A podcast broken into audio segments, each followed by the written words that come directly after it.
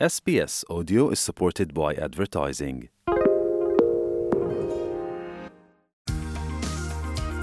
Англи хэл сурах нь таны амьдралыг өөрчилнө. Та хэлээ сайжруулангаа Австралийн соёл, амьдралын хэв маягийн тухай SBS Learning English-с сураарай. Манай подкастыг хаач явсан сонсож болно.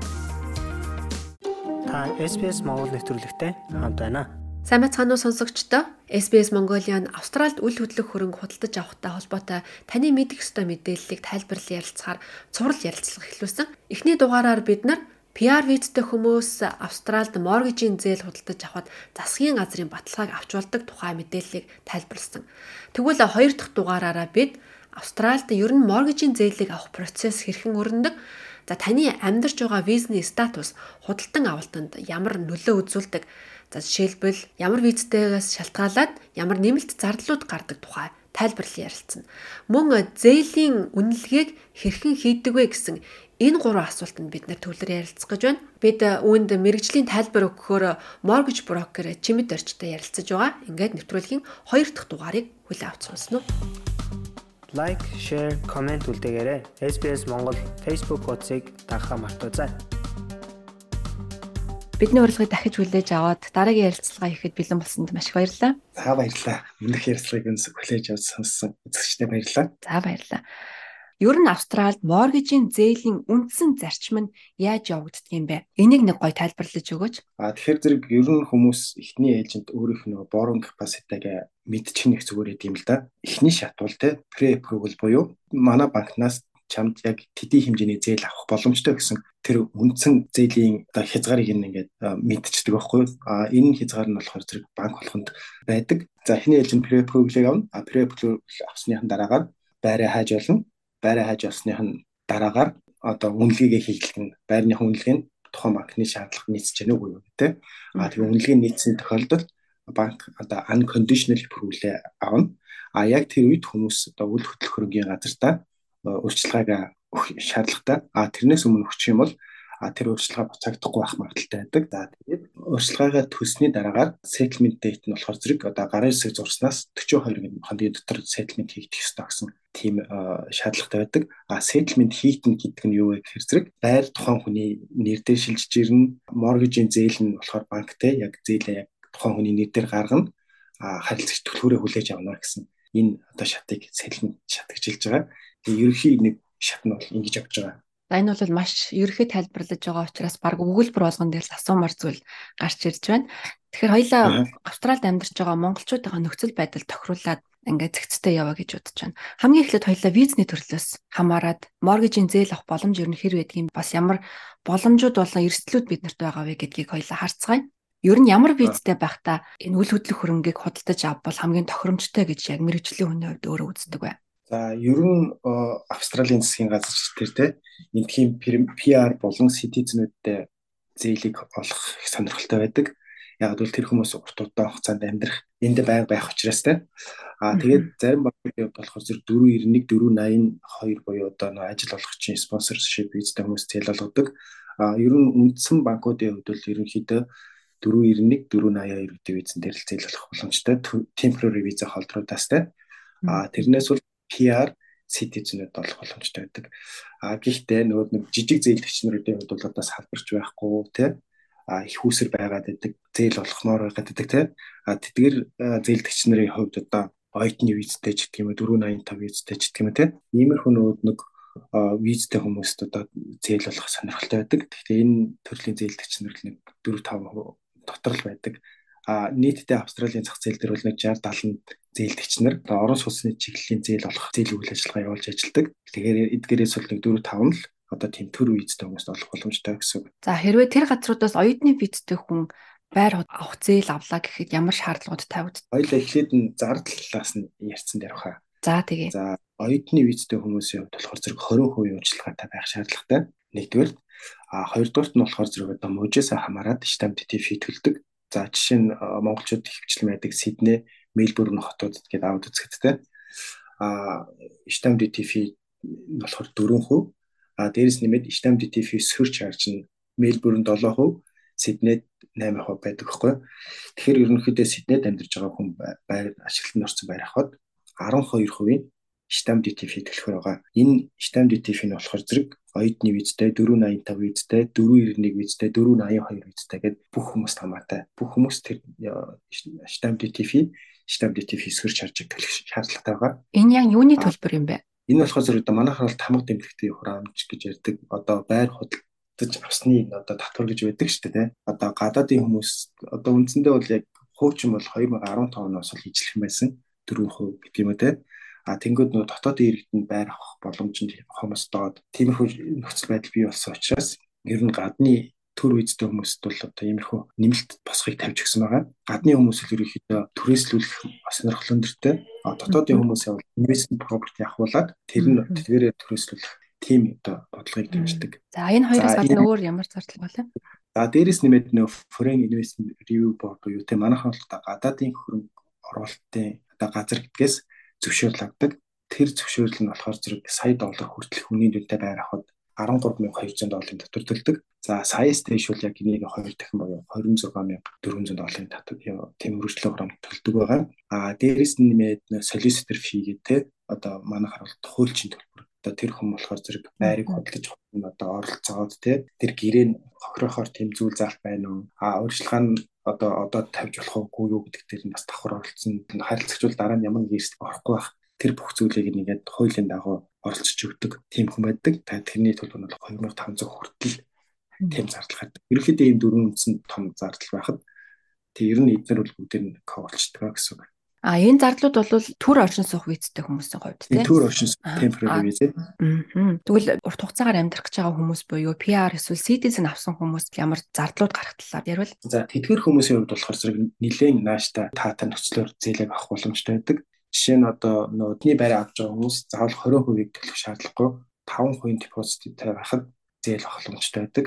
Бас нөө тэтгэр хүмүүс stamp duty fee төлөхгүй тодорхой үнийн дүн хүртэлтэй ихний байр авч байгаа тохиолдолд татвар төлөхгүй тийм боломж байдаг. За жишээ нь Сиднейд аваад үзэхэд 800 мянган доллар хүртэлх үнийн дүнтэй байр авч байгаа тохиолдолд ихний байраа тий owner occupy гэдэг зорилгоор буюу тий. Өөрөө амьдрна гэдэг зорилгоор авч байгаа үед бол татвар байхгүй. 800 мянган доллар хүртэл.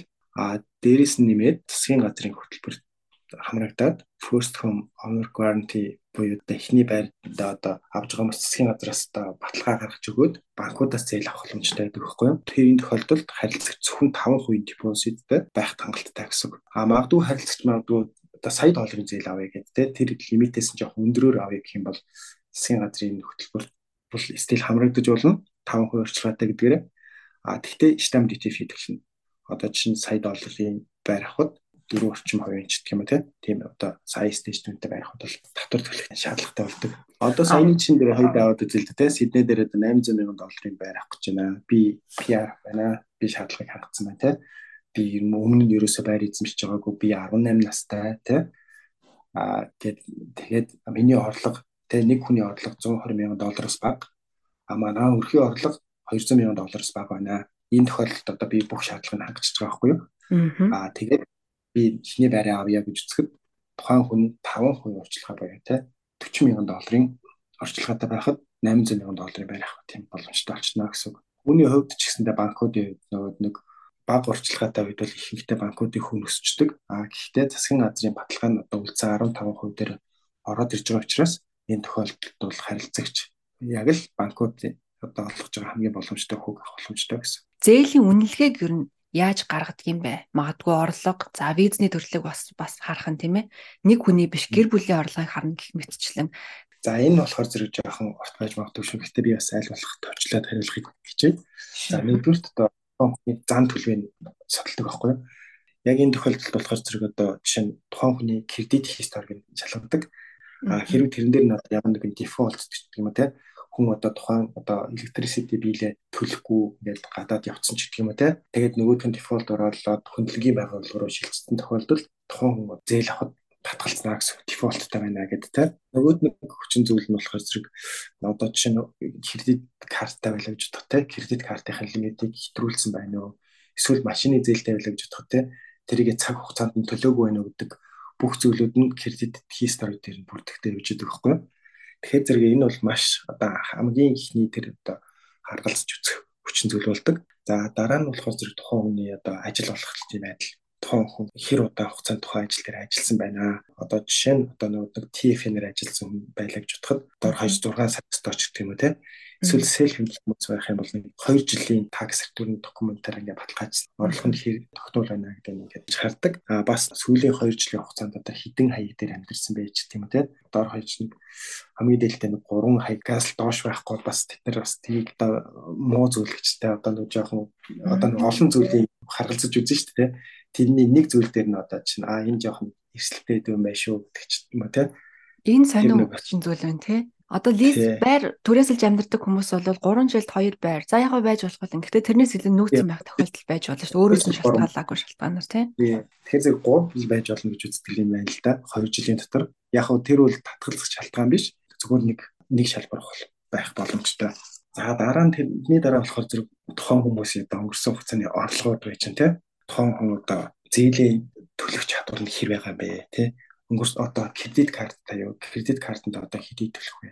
Машины зээлтэй юу? Машины зээлэндээ одоо сард хэдий төлөх вэ гэдэг тий тэдгээр зээлүүдэд төлөөд дээрэс нь одоо биднээс авч байгаа зээлээ ингээд төлөхөд энэ хүн чадхаар байна уу а бас тэдгээр банкуд тухайн хүний хувьд нэг банк стейтментийг авдаг. Одоо өрхийн орлого зарлах нь ямар шүү байна. Нэмэх баланстай ажиллаж чадж байна. Одоо орж байгаа орлого мэ гарч байгаа зардлаас надад дээгүүр байж чадж байна? А тэгээд байрах гэж гэж одоо түрээсэлжсэн.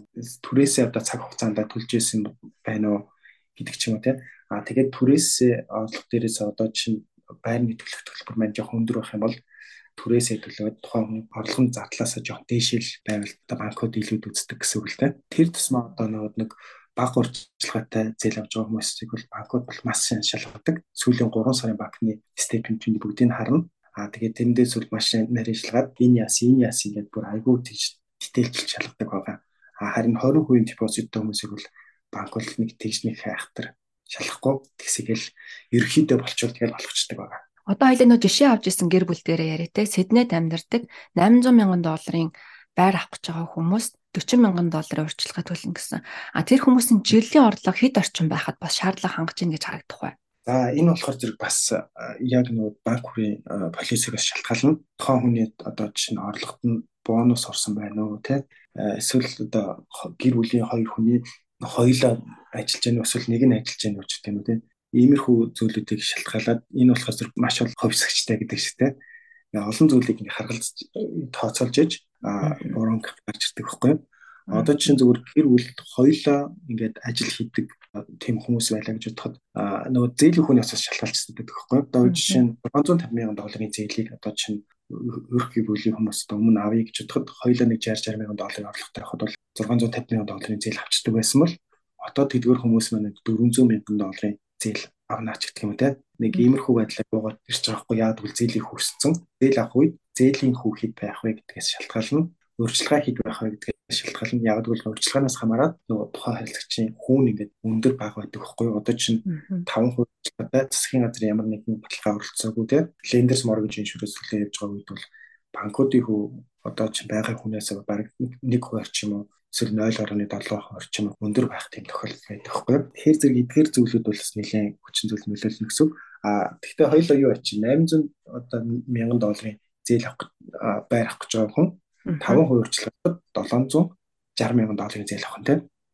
За яг энэ тохиолдолд болохоор зэрэг одоо өөр гэр бүлийн хувьд те нэг 200 орчим мянган доллар байх болов. Гэхдээ би яг энэ бол яг шүү. Баримжаа тоо тийм. Буруу ажиж бас магадгүй шүү. Би яг нэг нарийн тооцчиж хэлэхгүй л олон хүчин зүйл нөлөөлөх учраас. Тэгээ олон хүчин зүйл нөлөөлдөг учраас.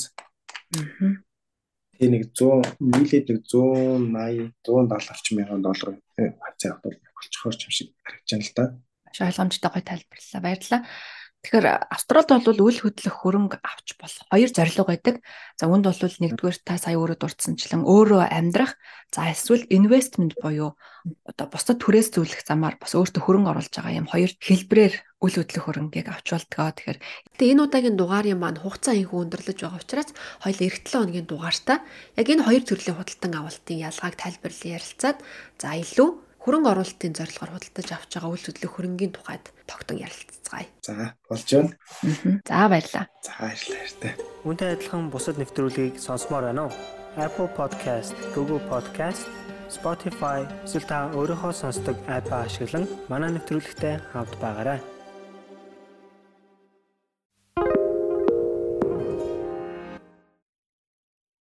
SBS is Australia's most trusted multilingual broadcaster. Our listeners are loyal, highly engaged, and have supported countless local businesses. We offer advertising packages for businesses of all sizes. Our experienced sales team will guide you through the process of owning a great campaign. Bring your own ad or have our production team make you something in one of our 68 languages. Start the conversation with your new audience today. Email sales at sbs.com.au.